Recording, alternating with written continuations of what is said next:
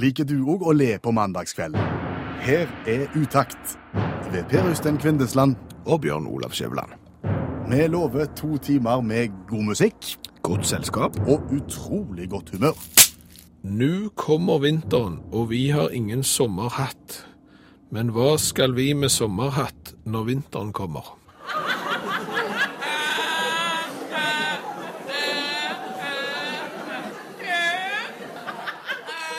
Og jeg kjenner at det er godt å være i gang igjen med nok et Utakt-program. Ja, og Utakt det er det programmet som går hver eneste mandagskveld fra 22 til midnatt, og som har bare to små mål. Det ene er å skape godt humør, og det andre er å være godt selskap. Kvindesland og Skjæveland i studio, og du har bedt meg starte rojalistisk, er det så? Ja, for vi kan ikke bare ha det kjekt heller. Eh, Vi må ha det litt verdig òg. Så går det an å få en litt kongelig åpning. Vi reiser oss.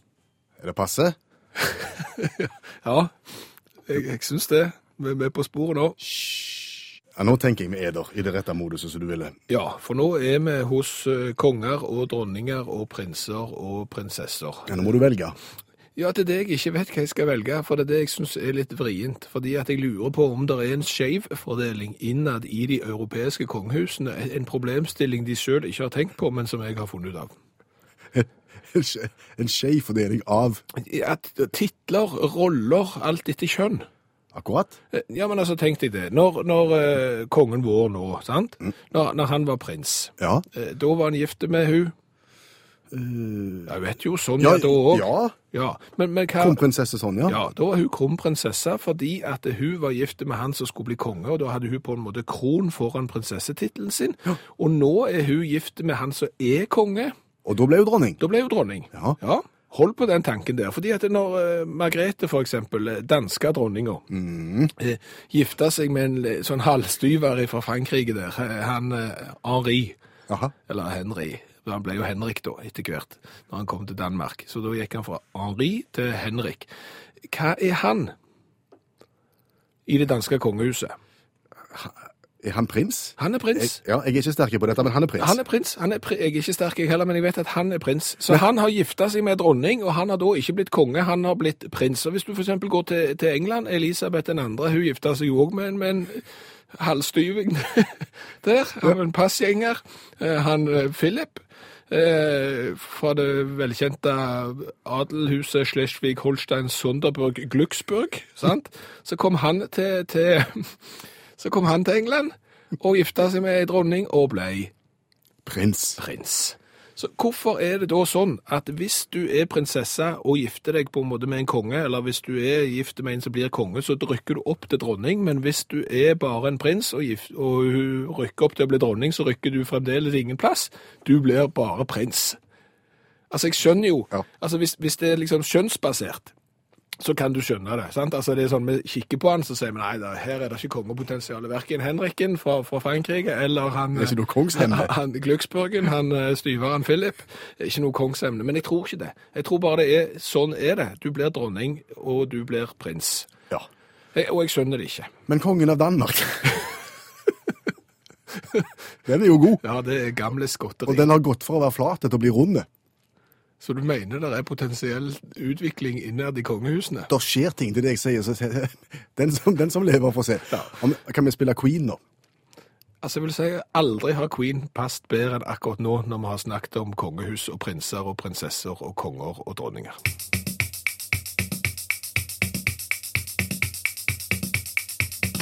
Nå skal vi snakke differensiert matmoms. Det høres ubetydelig kjedelig ut. Ja, eh, men det er jo problemer. Nei, eh, problemer er det ikke. Nå skal jeg refrasere her. Det er utfordringer knyttet til differensiert eh, matmoms. Det er ikke mer spennende av den grunn. Nei, men, nei, det er for så vidt ikke det. Men kan ikke du eh, greie ut om differensiert matmoms etter hukommelsen? Jo, det kan jeg godt gjøre. Ehm, differensiert matmoms, eh, det er jo det fenomenet som gjør at hvis du f.eks. går inn på en amerikansk familierestaurant og skal ha deg eh, en karbonade med løk, Ja. Så spør eh, mannen eller damen i disken skal du spise her, eller skal du ta den med. Ja, for det har noe med hvor mye du skal betale for produktet å gjøre. Ja, og Sier du nei, jeg skal spise her, så koster han eh, det. Eh, Sier du at du skal ta den med, så koster han litt mindre. Ja, og der kommer det den differensierte matmomsen inn. Du betaler full moms for å sitte på en restaurant og spise. Du betaler betydelig mindre moms hvis du tar den med deg ut. Hvor kommer utfordringene inn i bildet? Altså, Utfordringene kommer jo i det øyeblikket du er på en restaurant der det er litt vrient å ta det med. Som for eksempel på Ferja. Ja, den har vi vært innom Vi har vært innom litt før, sant? fordi det, det fins faktisk på ferja. Skal du spise her, eller skal du ta den med? Og spørsmålet er hvor hoen skal du ta den med? Eh, Jeg holder det med dekk. Jeg, det er jeg ikke Så sikker ute på. i nordavind og sludd og spise Du er jo strengt tatt på båten da òg, så, så jeg vet ikke eh, om du må gå i livbåten for å innta en baconpølse med, med sprøløk og ketsjup og sennep for å spare to kroner i moms. Jeg er ikke sikker. Men en kanskje enda større utfordring, det er flyplasser. Ja, for de opererer med differensiert matmoms, det òg, ja. Ja, ja, ja. Og en ting er hvis du er i avgangshallen, eller der du sjekker inn der absolutt alle har adgang og kan kjøpe deg en baconpølse, ta den med deg ut i bilen og så kjøre av gårde, eh, mens du prøver å gire og spise pølser samtidig. Det er nå én ting. Men de har faktisk differensiert moms på internasjonal avgang, altså når du er i transit. Og hvor skal du gå hen da? Den, den er verre. Den er verre. Ok, Aner meg at Skjæveland har opplevd dette her, og ville gjerne spare 7 kroner? Det var ikke syv kroner engang. Det er mye mindre enn det, men jeg tenkte dette her, dette her må ikke få bli eh, uprøvd, så jeg tenkte at jeg skal prøve. Så jeg sa til når jeg bestilte baconpølser med sprøløk og ketsjup og sennep, så, så sa jeg jeg skal ha den med. Sa du. Ja, og for så vidt så stussa jo ikke huset jeg kjøpte den av på det heller. Nei, det var greit det, ta den med, sant.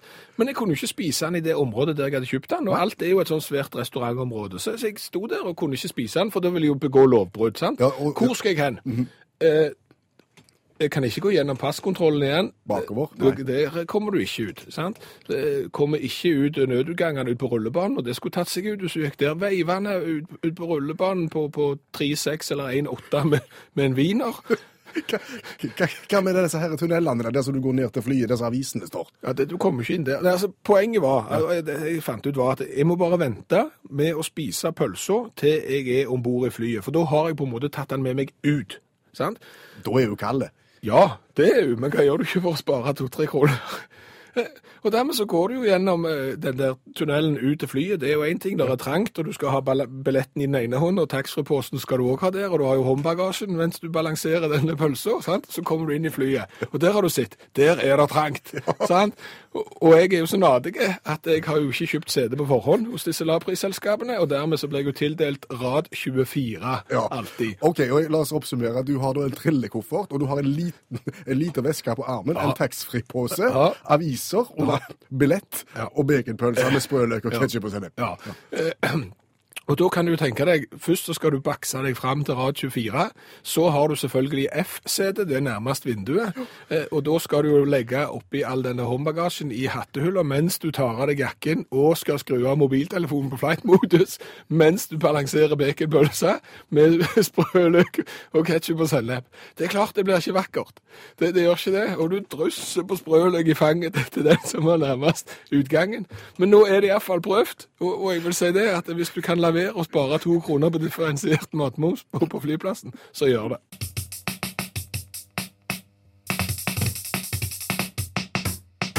Du hører utakt i NRK P1 ved Kvindesland og Skjæveland, og klokka er snart halv elleve. Vi bare følger planen, gjør vi ikke? Som Jo, er planen er som alltid hver eneste mandag. Det eneste utakt skal by på, det er godt humør og godt selskap. Og da går vi til en av de faste postene.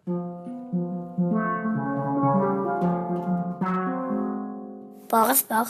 Jeg skal svare. Hilsen Vebjørn, syv år. Ja, det er kjekt å registrere at veldig mange ønsker å spørre Vebjørn 20 år, for de har skjønt at Vebjørn kan svare. Ja, Vebjørn går i andre klasse på barneskolen og vil gjerne dele av sin eh, livskunnskap eh, og hjelpe utaktlytterne med de problemene de måtte ha. Og det har vi gjort, og det skal vi òg gjøre i dag. Mor 35 har eh, i kveld sendt inn spørsmål til Vebjørn. Hei, jeg har en sønn på syv år. Samme alder som Vebjørn, altså. Eh, Hver gang vi er i butikken, så maser han om godteri. Mer godteri, mer godteri, mer godteri. Jeg sier nei stort sett hver gang, men da gråter han og legger seg ned på gulvet og lager scener i butikken. Hva skal jeg gjøre? Hilsen mor 35, altså. Ja, interessant problemstilling. Jeg tok med dette spørsmålet hjem til Vebjørn for å høre hva han hadde å si. Ja, det er lett. OK, og hva skal vi gjøre da? La ungen få viljen sin. Eh, Tuller du? Nei, la han få alt det snoet han vil, og gjerne mer enn det òg. Nå er jeg bombesikker på at du skal gjøre deg populær hos andre syvåringer med å gi dem råd på radioen om at de bør få så mye snop de bare vil. Nei, jeg tenker ikke populistisk. Ja, For helt ærlig, det kan virke sånn. Hva er det du tenker da? Spør om jeg liker melkesjokolade. OK, eh, liker du melkesjokolade?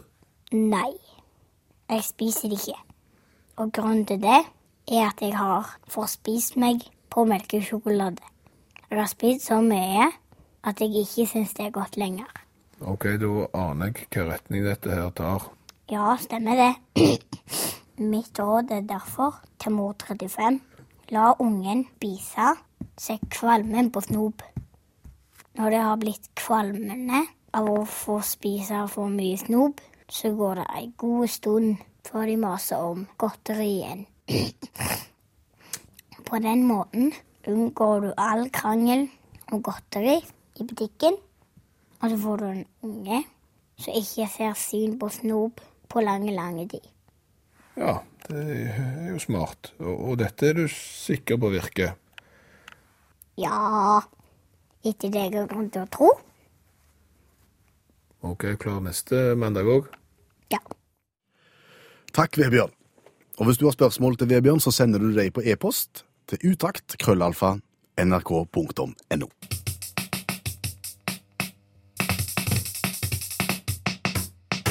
Og Skjæveland sitter nå og ser på en rektangulær liten sak.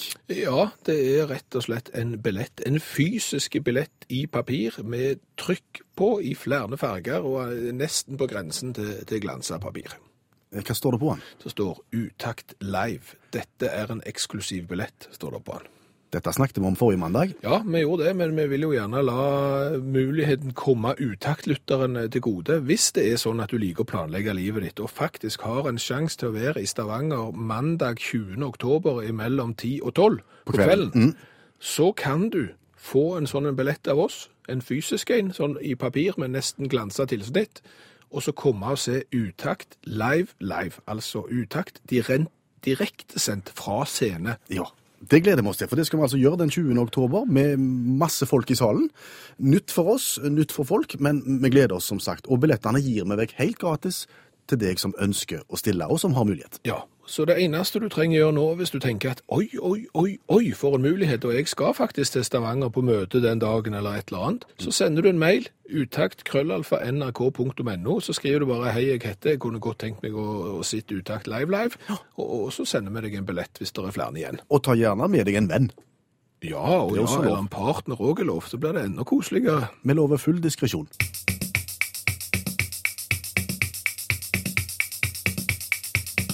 Jeg tror det er en og annen som kjente igjen den sangen og tenker for et TV-program var det? Det kan vi godt hjelpe med. Eh, Det var fra TV-serien Cheers om en bar, og du har gjerne hørt den fordi at det var nemlig 273 episoder av akkurat den sitcomen der, og den hadde den sangen der som kjenningsmelodi. Framført av den kjente Eh, kjente Gary Po- Portnoy. Port Portnoy. Portnoy. Gary Portnoy. Kjent for andre sanger som Ja, jeg kan nevne deg fleng, men jeg tror ikke vi har tid til det nå. Gary Portnoy der, altså. Men det var ikke uten grunn at vi valgte en eh, TV-relatert sang. Nei, det var ikke det, for vi skal fra sitcom til reality-TV. Hva er reality-TV, Skjæveland? Eh, Det er når vi følger enten kjendiser eller vanlige folk i en lang periode som gjør ting som de stort sett ikke kan. Og så skal vi stemme ut etter hvert. Ja, så sitter det en igjen, en støver til slutt, som må vinne noe penger eller et eller annet. Jeg må innrømme at dette er programmer jeg sjelden ser, Samme her. eh, så vi har ikke så veldig mye greier på det. Men allmennlæreren med tovektig musikk, Olav Hove, tok kontakt med oss og sa jeg vil gjerne snakke om ufattelig kjedelige reality-serier. For det er ungdommen nødt til å vite litt mer om. Ja, og det, vi har snakket om det før. Sånn. Bare ja-folk på brainstorminga viser seg ofte ikke være en suksess. Så har du en annen type brainstorming òg som ikke er bra, og det er når du har dårlig tid. Og DIY Network i Amerika de satte seg ned i 2012 og sa vi må ha et realityshow. Det haster. Eh, Så tar dere en brainstorming først, finn ut av konseptet, men skynd dere Kom an! Det må skje. Nå! Så de setter seg ned, da, og så sa de ja, OK, reality, hva er populært for tiden? Og liksom, jo, eh, kjendiser er jo populært. Eh, det er Ossi Osbourne og ja, mm, Kardashian og ja, alt sånne ting. Og så har det vært masse sånn rundt, eh, rundt litt sånn urbefolkning, og det har vært Big Brother, og hva finner vi på, liksom? Så det er en som sier Vanilla Ice, husker vi han? Nei, han har vi Ice, ice, baby, ice. ja, nei, han, ja, ja. Kan vi gjøre noe på han? Ja, ja. Skal vi følge han, da, kanskje? Sånn som Ossi Osbourne? Nei, det blir kjedelig. Men så var det noen som sett den der Amish Mafia. Syns det var tøft med sånn Amish. De veit hva det er, sant? Disse her i Pennsylvania, Amish. Med litt løgneklær. Ja. Så da lagde de konseptet Vanilla Ice Goes Amish. Der de, den aldrende rapperen, som usedvanlig overraskende kler seg lik Amish-folkene, da eh, bodde med dem i to måneder. Kjempekjekt for Vanilla. Børg, dørgende kjedelig for oss andre. Eh, men, men Vanilla ble veldig glad i minimalismen deres. Han syntes de brukte lite penger i forhold til hva han var vant med. Eh, og han, han, han støtte på så masse problem. I begynnelsen så skar han seg ofte under barbering, fikk små kutt i fjeset. Og, og dette ble dokumentert grundig med nærbilder. Du kunne se striper der det var antydning til blod. Eh, episode ut og episode inn. Eh, han, han var fascinert av at de bygde så mye. At de faktisk eh, hogne tre og bygde hus sjøl. At ikke det var meksikanere som kom inn og gjorde sånne ting. Vanilla var veldig overraska, syntes det var helt topp. Så prøvde han å lære det litt om feng shui og sånne ting. Ja. Ja, og blanding av smoothie og sånne ting, uten, uten suksess. Og, og 13 episoder går som et skudd, altså, når du ser sånne ting. Men nå er det slutt, eller? Nå er det slutt, ja. Det ble ikke en andre sesong, altså. Jeg, ah, nei, jeg skjønner meg ikke på reality, altså. Men, eh, men uh, ligger på internettet. Bare søk det opp. For dårlig tid på brainstormingen der, altså. Ja. Men, men eh, altså, hvis du ser vekk ifra at du tar en aldrende hvit rapper og hiver han inn til noen Amish-folk, er det noen andre dørgende kjedelige Nei, du har jo en del sånne, sånne fine som eh, Ja, altså, når vi skal snakke om kjedelig, så har vi jo uh, Whiskers Wars. Har de sett den? Ikke ofte. Nei. eh, Strålende realityshow der du følger en gruppe mens og deres veg og kamp fram mot fjeshårs-VM i Trondheim i 2011. Hæ? Um, de kjenner til fjeshårs-VM. Skjegge-VM. Ja, og barte-VM. og Det er en sånn samlekategori. Der du lengst skjegg, fyldigst skjegg, s- neisneste snurrbart, lengste bart, jeg vet da søren, jeg fyldigste bart. Jeg kan ikke mye om barte-VM, men uansett, da. Whiskers War handler om veien fram til barte-VM i Trondheim. Er det et norsk program? Nei da, det er amerikansk program. Men det var det er internasjonal deltakelse i dette showet. Ja, selvfølgelig. Barte-VM. Det er jo verdensmesterskap. Eh, Jack Passion, som vi alle kjenner til, er jo den store stjerna i Whiskers War. Han vant jo VM i Brighton i 2007, bare 23 år gammel. Hårfint foran Bart Feldkamp. Ja, ja, ja. ja så reiser han til Montreal i 2009 og forsvarer tittelen. Han, ja, han er jo Michael Jordan av Bart. Eh, men så reiser han til Trondheim og taper, da. Eh, Kommer på andreplass etter Ruti Lundvall. Og det er klart, dette er følelsesmessig tungt når du sitter og følger med på Whiskers War, og her skal han prøve å bli Liksom på en måte ta vandrebokalen, sant? Den kongebarten skal han ta med seg hjem og ha på peishylla, og så ryker det av Jack Passion. Så mange ei tåre har felt. eh, av kjedsommelighet, men òg av skjebnen til Jack Passion. Hvor mange episoder klarte de å skvise ut av eh, dette her hårfine forsøket? Eh, 14 episoder. Vi må få lov å takke allmennlærer med to vekter i musikk, Ola Hov, eh, nok en gang for en fin, fin innføring i reality-eventyrene.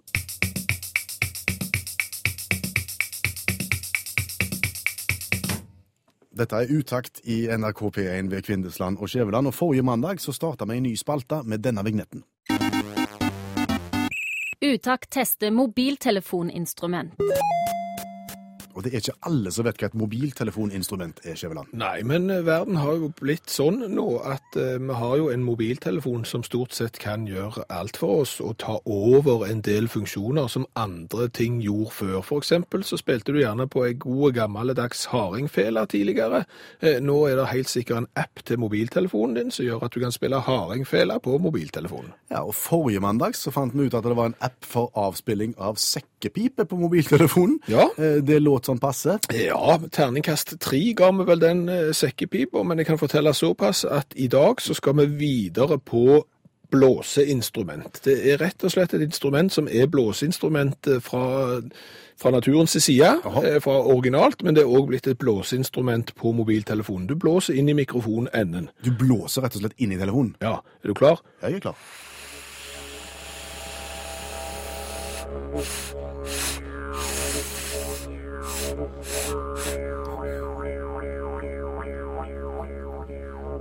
Er det det vi kaller en didgeridoo? Ja, det er en didgeridoo fra selskapet Useless Creations, og allerede der så bør det jo ringe i bjelle når du laster ned denne didgeridoo-appen.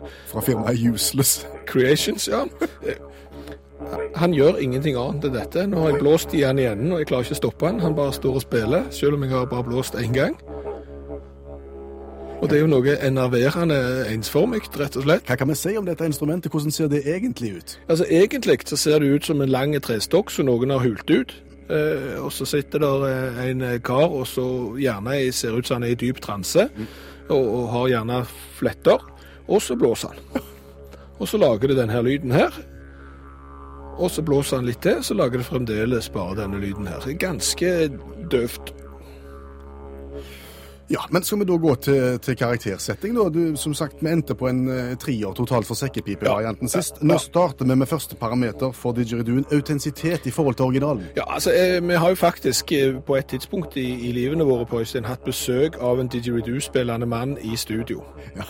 Eh, og, og det hørtes sånn som dette ut. Ja. Det, Han ble heller aldri ferdig. Nei, han ble heller aldri ferdig, og det låt akkurat like monotont og, og kjedelig. Så der syns jeg at veldig opp til originalen, ja, terningkast seks. Ai, ai, ai, en god start der, altså. Yes. Brukervennlighet. Veldig enkelt å bruke, faktisk litt i overkant enkelt å bruke, for jeg har bare blåst i mobilen én gang, og han spiller fremdeles. Så, så, så jeg vil nesten si at det er for enkelt å bruke når det trekker ned. OK, det er lite utfordrende. Ja, rett og slett. Det er størgende kjedelig, så terningkast tre i brukervennlighet. OK, da er det siste parameter, det er den såkalte X-faktoren. Eh, Hvordan fungerer denne f.eks. i selskapslivet? I selskapslivet Nå skjer det ting. Hva var det som kom til det? Han har gått inn i en transe. Eh, nei, du, kan- du kan jo sjøl tenke deg at det satt f.eks. ti stykker rundt et bord på, på en fest, og alle hadde lasta ned Useless Creation sin, sin Didgeridoo-app. Sikkert kjekt i ti sekunder. Terningkast. Én. Au. Eh, Da ender vi på en, eh, vi vi er på to. en total toer. En total toer. Altså veldig autentisk, sikker, korrekt lyd, men dørgende kjedelig og helt meningsløst. Du har hørt Utakt teste mobiltelefoninstrument.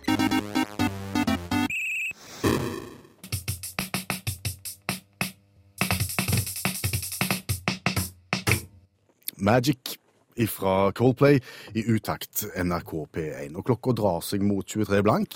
Ja, han kryper mot eh, 11, og på dette tidspunktet eh, hver eneste mandag så vil gjerne den eh, traverne av utaktlytterne sier at nå kommer den der, nå skal vi melde oss på konkurransen-greia. Ja, den kommer alltid på dette tidspunktet, men ikke i kveld. Nei, ikke i kveld. Eh, Det er av to årsaker. Den ene årsaken er at eh, jeg er ikke her.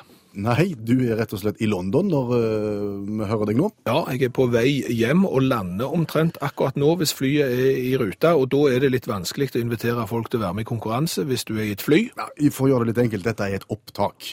Så derfor så måtte vi finne en konkurransedeltaker på forhånd som var med på opptaket, og det var ikke så vanskelig egentlig. Nei, fordi at Grete fra Stavanger, hun har, og jeg overdriver ikke, meldt seg på konkurransen hver eneste mandag så lenge utakt har eksistert, og hun har til og med meldt seg på flere ganger noen ganger. Og aldri, aldri, aldri vært så heldige at hun har blitt trukket ut til å være med. Så da tenkte vi, vet du hva, siden det er ikke er trekning i dag, det er plukking, så plukker vi Nagrete. Grete. Det er rett og rimelig. Og til deg som nå er skuffa, neste mandag så er vi tilbake i vanlig gjenge. Da kan du melde deg på. Du kan begynne allerede i dag, faktisk. Du kan sende en SMS til 1987 og starte den meldingen med uttak, så kan du melde deg på til neste ukes konkurranse. Det er greit å være tidlig ute. Ja, og Hvis du har lyst til å høre hvordan konkurransen fungerer, så må du høre på litt over 11 nå, sånn 5-6 over 11. Da skal Grete få seg ei T-skjorte med V-hals, uansett hvordan det går, for det er en enkeltkonkurranse. Ja, jeg tror folk har tatt det nå.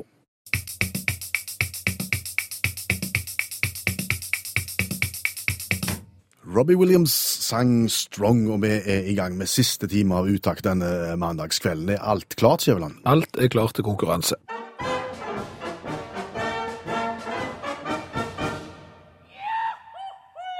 En litt spesiell variant, for å si det mildt. Eh, Ja, fordi at uh, dette programmet er ikke direkte i kveld, fordi jeg er på vei hjem fra London eh, med fly akkurat nå, og jeg har sannsynligvis hatt det kjempefint. Uh, så derfor så er konkurransen opptak, og vi har valgt ut Grete til å være gjest hos oss, fordi hun har meldt seg på hver eneste gang det har vært konkurranse så lenge uttakt har eksistert, uten å bli trukket ut. Har det vært bittert, Grete, i alle disse årene? Ja, jeg har det. Jeg har sagt søren, hvordan får de det til?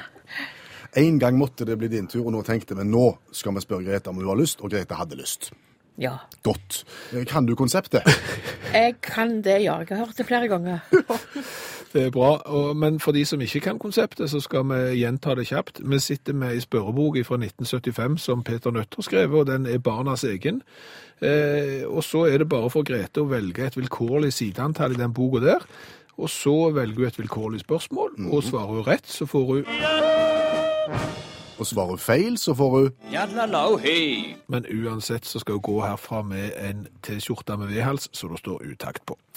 eh, Du har hørt det før, det vet vi, Grete, så egentlig så bare tror jeg vi skal dryle i gang. Du skal få velge et eh, sidetall. Ja, 49 finnes det.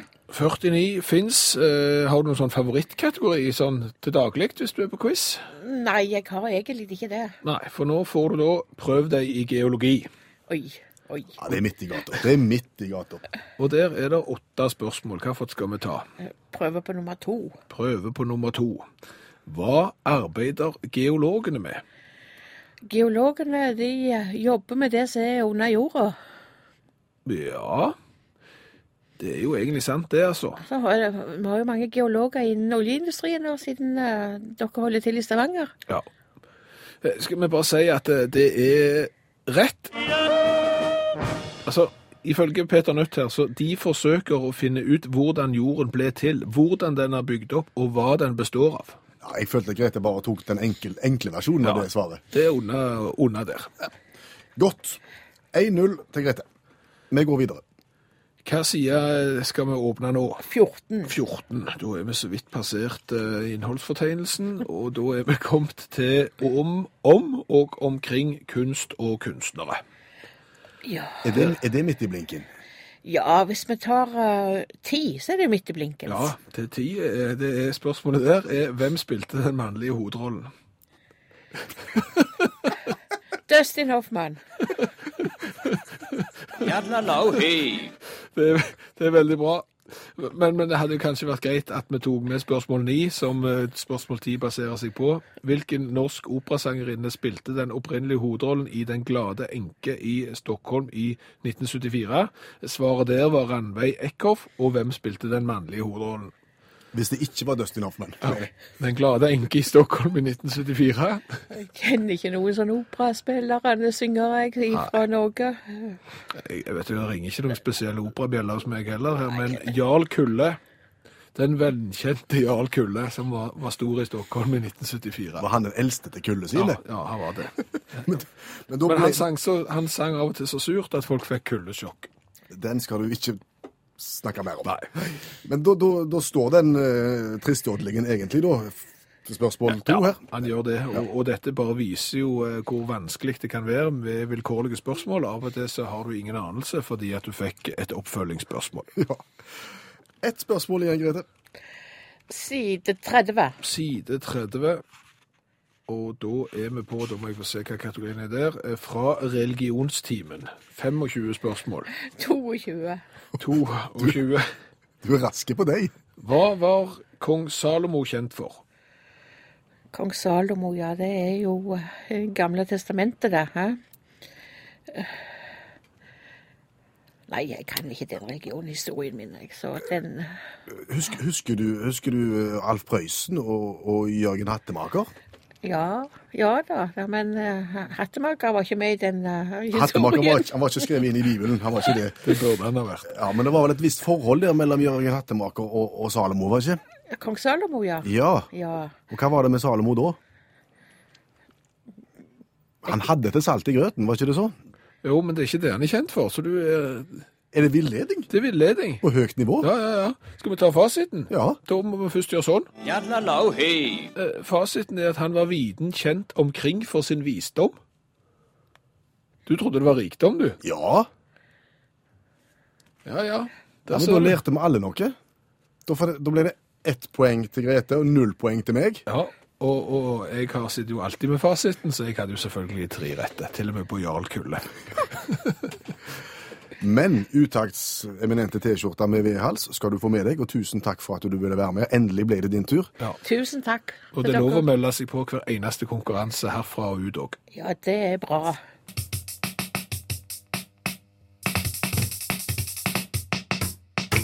Bjørn Eidsvåg og Kringkastingsorkesteret har parkert. Ja. Jeg, må tilbake til den Salomoen, jeg. ja det, du mente jo at Salomo var kjent for sin rikdom, mens Peter Nødt i spørrekonkurransen, fasiten i boka hans, fortalte at uh, kong Salomo var viden kjent for sin visdom. Jeg skal være med på det. Han skrev vel ordspråkene, og han skrev altså Forkynneren og Høysangen, og dette her er jo på en måte basert på visdom. Ja, det, Dette har du lest deg til akkurat nå. Nei, jeg vet jo at det er Salomos høysang. Ja. Så, så, så at han var, han var vis og smart, ja, men han er jo kjent for rikdommen og bygging av templer og, og, og mye gods og gull. Har du fått dokumentert det? Etter det jeg har grunn til å tro. Etter det du har grunn til å tro, det du har lest deg opp på internett nå mens sangen gikk? Ja. Så, så 1-1 mellom meg og Peter Ja, Nett. for- for Pille, meg- Pillefine. ja, for meg vil alltid eh, Salmo være en alle tiders produsent av eh, slalåmstøvler. Du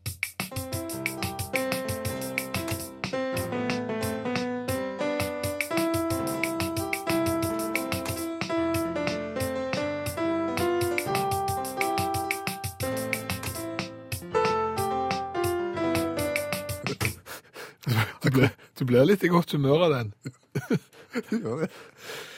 Eh, Vi skal snakke om tips, og da skal vi ikke snakke om sånn som du ringer inn til avisene eller radioredaksjoner og får penger for. Nei, vi skal snakke om sånn som du gjerne legger igjen på en restaurant når du er fornøyd med den eh, servicen du har fått. Og det har jo spredt seg, det der tipsgreiene, til, til bedrifter du ikke trodde var mulig. Når jeg sitter her, står tipsglass på frisør.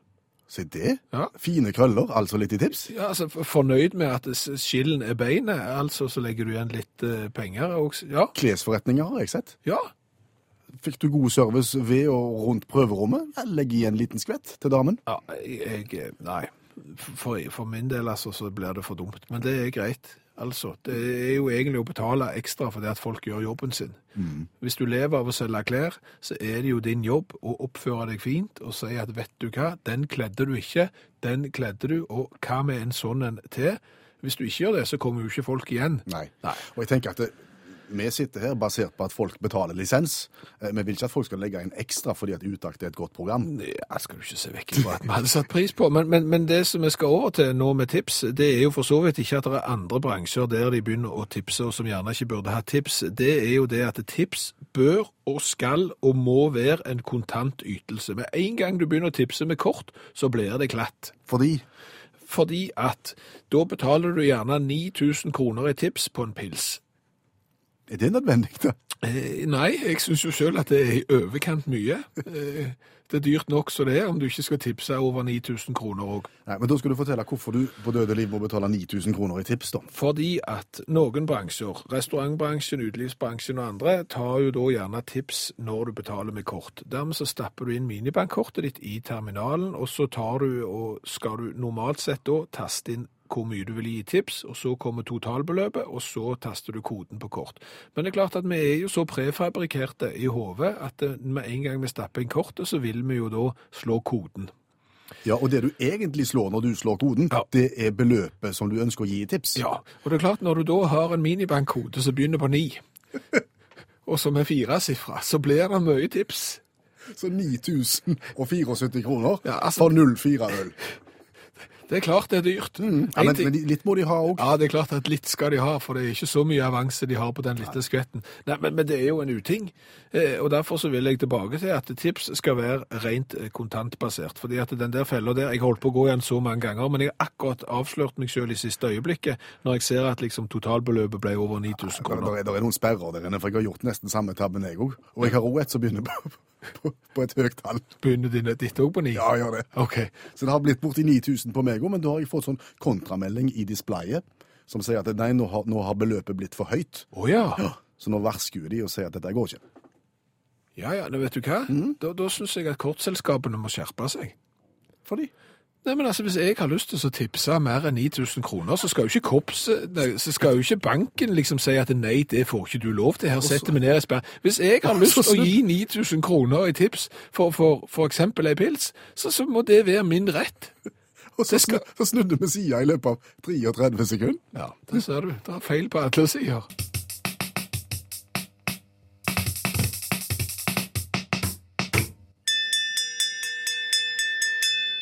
Utakt leser høyt fra boka Norges morsomste vitser. De beste vitsene fra NM i humor. Svømmekurs. Det var søndag, og guttungen sto og fisket. Så kom presten forbi og sa at det var stygt å fiske om søndagen. Da svarte gutten. Jeg fisker ikke heller, jeg. Jeg bare lærer marken å svømme.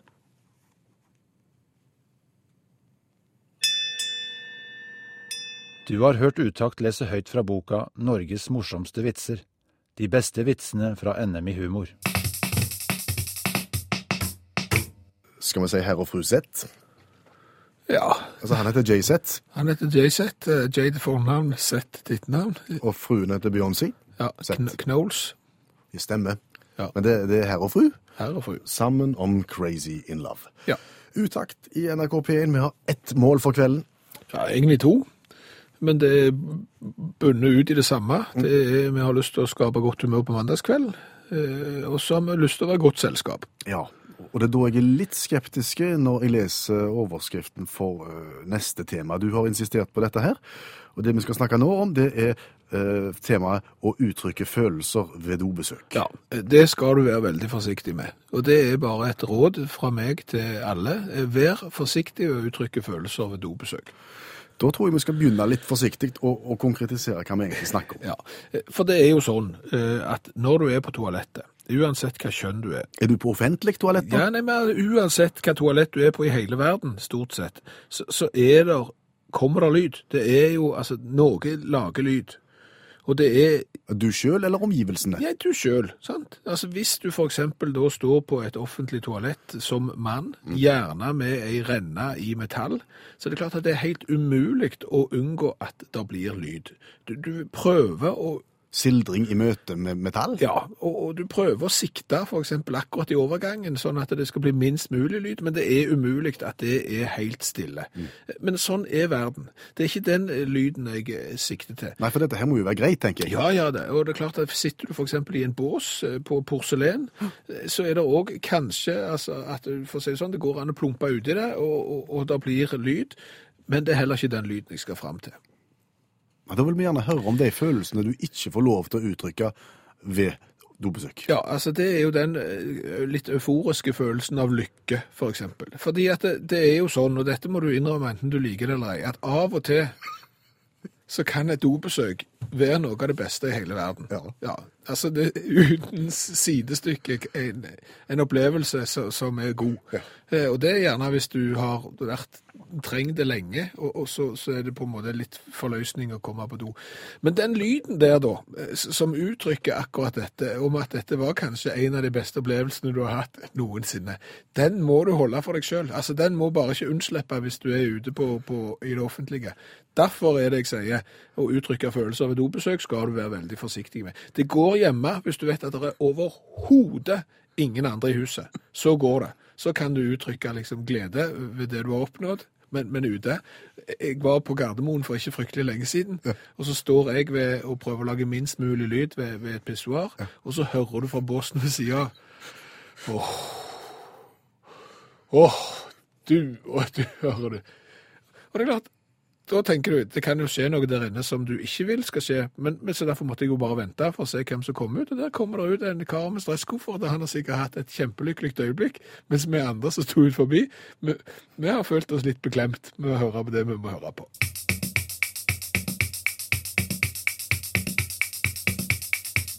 Kanskje kjente du igjen stemmen til Robert Plant, stemmen fra Led Zeppelin, og sangen Rainbow. Tror du bandet Rainbow har en sang som heter Robert Plant, siden Robert Plant har en sang som heter Rainbow? Ikke etter det jeg har grunn til å tro, men, men du skal aldri si aldri. Nei. Nei, i hvert fall, eh, Hvis de skulle finne på å gjenoppstå, så har de jo iallfall fått et tips. Lag en sang som heter Robert Plant. For deg som har hørt eh, programmet tidligere i kveld, så, så vet du at vi har snakket om det såkalte reality-TV-konseptet, som går ut på at Ja, det går ut på at du samler vanlige folk eh, og konkurrerer om et eller annet. Så stemmer du hjem noen, og til slutt så sitter det igjen en eller annen greie som vinner noe penger. Eller så kan du samle en haug med kjendiser, f.eks., og la de gjøre ting de ikke kan. Og så eh, sitter det igjen en vinner til slutt da òg. Og så går dette her over x antall episoder. Og vår faste venn i uttaktprogrammene, allmennlærer Olav Hove, som har to vekttall i musikk, han har engasjert seg ganske mye i dette her. Han vet en del om eh, reality-TV. Tidligere i dag kveld så fortalte han om noen eh, varianter som gikk ufattelig seint, og som ikke var spesielt uh, populære. Ja, men så har du òg det fenomenet at uh, realityshow ofte skal strekke strikken, og det er mange som reagerer på det de får se og høre i sånne program, og det som skjer under diverse dyner. Ja, men, men Olav Hove, i Norge så har det ikke vært så mye av det, har det vel? Nei, nei. Eh, Men jeg skal nevne noen som ble tatt av plakaten, og jeg veit ikke hvorfor, men jeg skal bare nevne det litt sånn objektivt. Eh, Du har Who's Your Daddy fra 2005. Eh, veldig bra tittel, for det er akkurat det det handler om. Hørtes ut som Tore på sporet. Man tager, ja, ja, ja, men dette her er mye kjekkere, skjønner du. Du tager et adoptert barn, altså voksen da, eh, og, så, og så setter du de, dette her adopterte barnet sammen med 25 menn, og så er det opp til det adopterte barnet å finne hvem er far din. Oi sann. Hun har ikke sett faren sin noen gang. Det er en av dem 25. Hvem kan det Ikke, være? ikke, ikke trøndersk Skjæveland. Spar oss. Og hvis, hvis da denne her, la oss si damen, finner far sin, så får hun 100 000 dollar. Hvis hun tar feil, og her er tvisten, så vinner den mannen hun velger 100 000 dollar. Derfor er det opp til de 25 mennene å overbevise den stakkars piken om at det er de som er faren. Og dette ble tatt av, ja. Det er jo ingen, som kan, ingen som kan forstå hvorfor dette ble tatt av. Nei, altså, det er merkelig. Alltid skal sånne adopsjonsbyråer sånn blande seg. Alltid. Åh. Men Og eh, ironi fungerer fortsatt dårlig på radio. Dette til orientering. Gå videre. ja, Mr. Personality fra 2003. De har sett Ungkaren, sant? Ja. Vakker pike søker mann. Ja. Eh, akkurat samme som Ungkaren Mr. Personality. Eh, liten twist. Eh, de har stygge masker på seg, alle mennene. Og så det kan være en liten blomst bak der. Ja, for hva er det som teller? Det indre. Det indre som teller, ja. Sant? Flott realityshow. For at det, det er det som er viktig. Og de prøvde liksom, også, også for å liksom dra til med en sneisen symbolikk, så valgte de programlederen Monica Lewinsky. Fordi at hun er jo ekspert på indre verdier. Ja, ja, ja. Sant? Det er jo kun det hun ser etter. Ja. Makt har ingenting med noen ting å gjøre. Ja, og dette her heller vil ikke de ha mer. Jeg blir frustrert, altså. Men er det noen som har blitt stoppet før de i hele tatt kommer på? Ja. Tyske produksjonsselskapet Endemol, har hørt om det? De har lagt Big Brother Har du hørt om Endemol? Eh, det- Er det en medisin, er det ikke det? Mot, Ja, jeg trodde, jeg trodde egentlig det, skal jeg være helt ærlig nå, så trodde jeg òg det, men det er ikke det. altså Det er et produksjonsselskap som står bak eh, Big Brother, Hørte om det? Deal or no deal, Extreme Makeover og Wipeout. Ja, dette er jo show som har vært en suksess. Ja, ja, og så tenkte de i 2005 nei, nå skal vi dra til litt her, fordi at det var en sånn stor fertilitetsdebatt i Tyskland. da, eh, og, og da tenkte de at eh, her har vi et konsept som vil noe. Du tar tolv menn. Du, du lar de eh, gi hver sin, sin dose, eventuelt eh, ladning, kall det hva du vil, med, med sin, sin sperm. Så frakter du det til Køln. Jeg vet ikke hvorfor Køln, men iallfall ble Køln. Køln er jo, eh, det er jo eh, parfymehovedstaden i Tyskland. Kan det ha noe med saken å gjøre? Jeg vet ikke. Men i Køln, iallfall, i studio i Køln, der har de laga i planen da, kunstig livmor som er tilsatt såkalt spermsvømmestimulerende kjemikalier. Eh, jeg skal legge ut den oppskriften på nettet etterpå. Eh, og, og, og, de, og de tolv mennene som har raskest sperm, da, eh, eh, de vinner. Eh, og premien er, ikke uventa, en, en, en rød Porsche. Dette ble det ikke noe av. altså. Det ble stoppet. Jeg fikk mye kritikk, og noen sa dette er egentlig litt sånn Dette er litt drøyt. Uh, Endemol, uh, som er produksjonsselskap og ikke medisin, faktisk, fortsatt, de, de stilte seg uforstående til dette her, og syns kanskje at de har hatt uh, en del menn uh, kjørende rundt i røde Porscher med, med ekstra rask sperm kunne vært et tilskudd til en litt grå nasjon. Ja, vi får si tusen takk til allmennlærer Olav Hove med to vekttall i musikk. Det er utrolig hva den mannen vet. Ja, og det er klart at hvis du kan smykke deg med tittelen 'Tysklands raskeste sperm', så er jo det òg noe.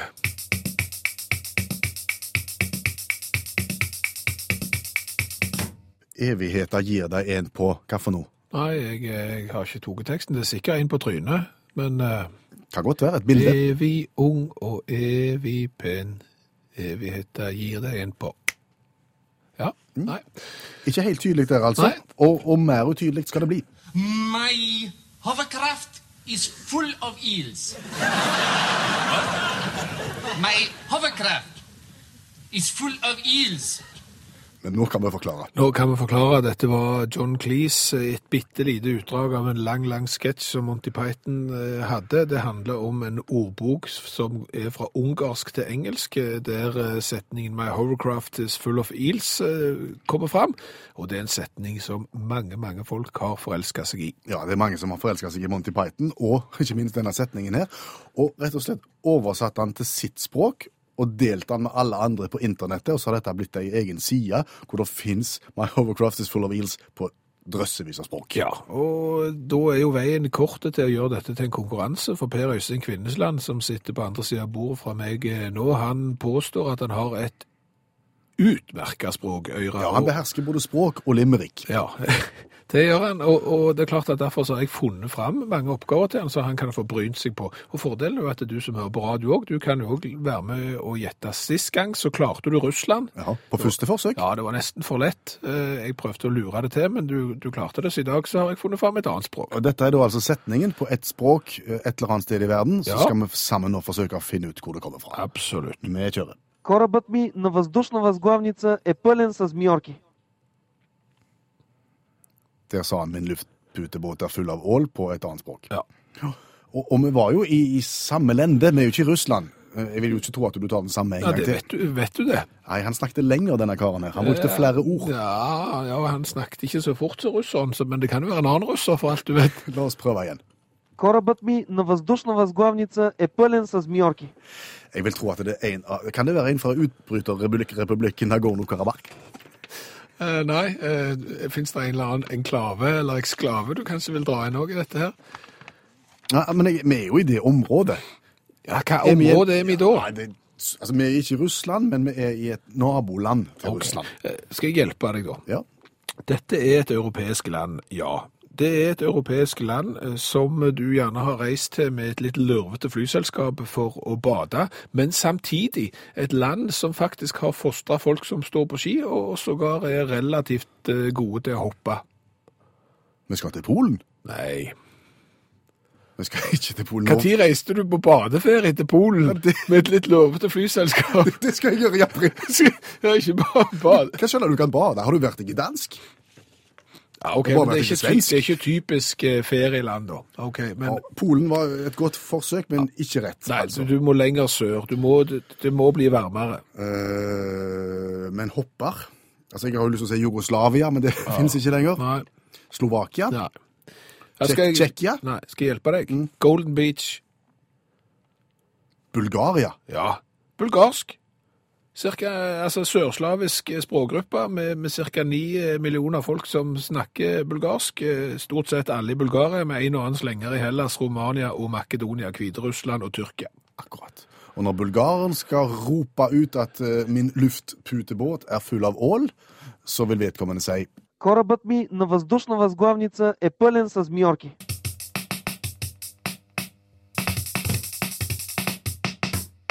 Og så er vi kommet til veis ende i utakt eh, for i kveld. Ikke Og- helt. Nei, ikke helt, men vi er kommet så langt eh, nærme midnatt at nærmere midnatt har det faktisk ikke vært i dag. Nei.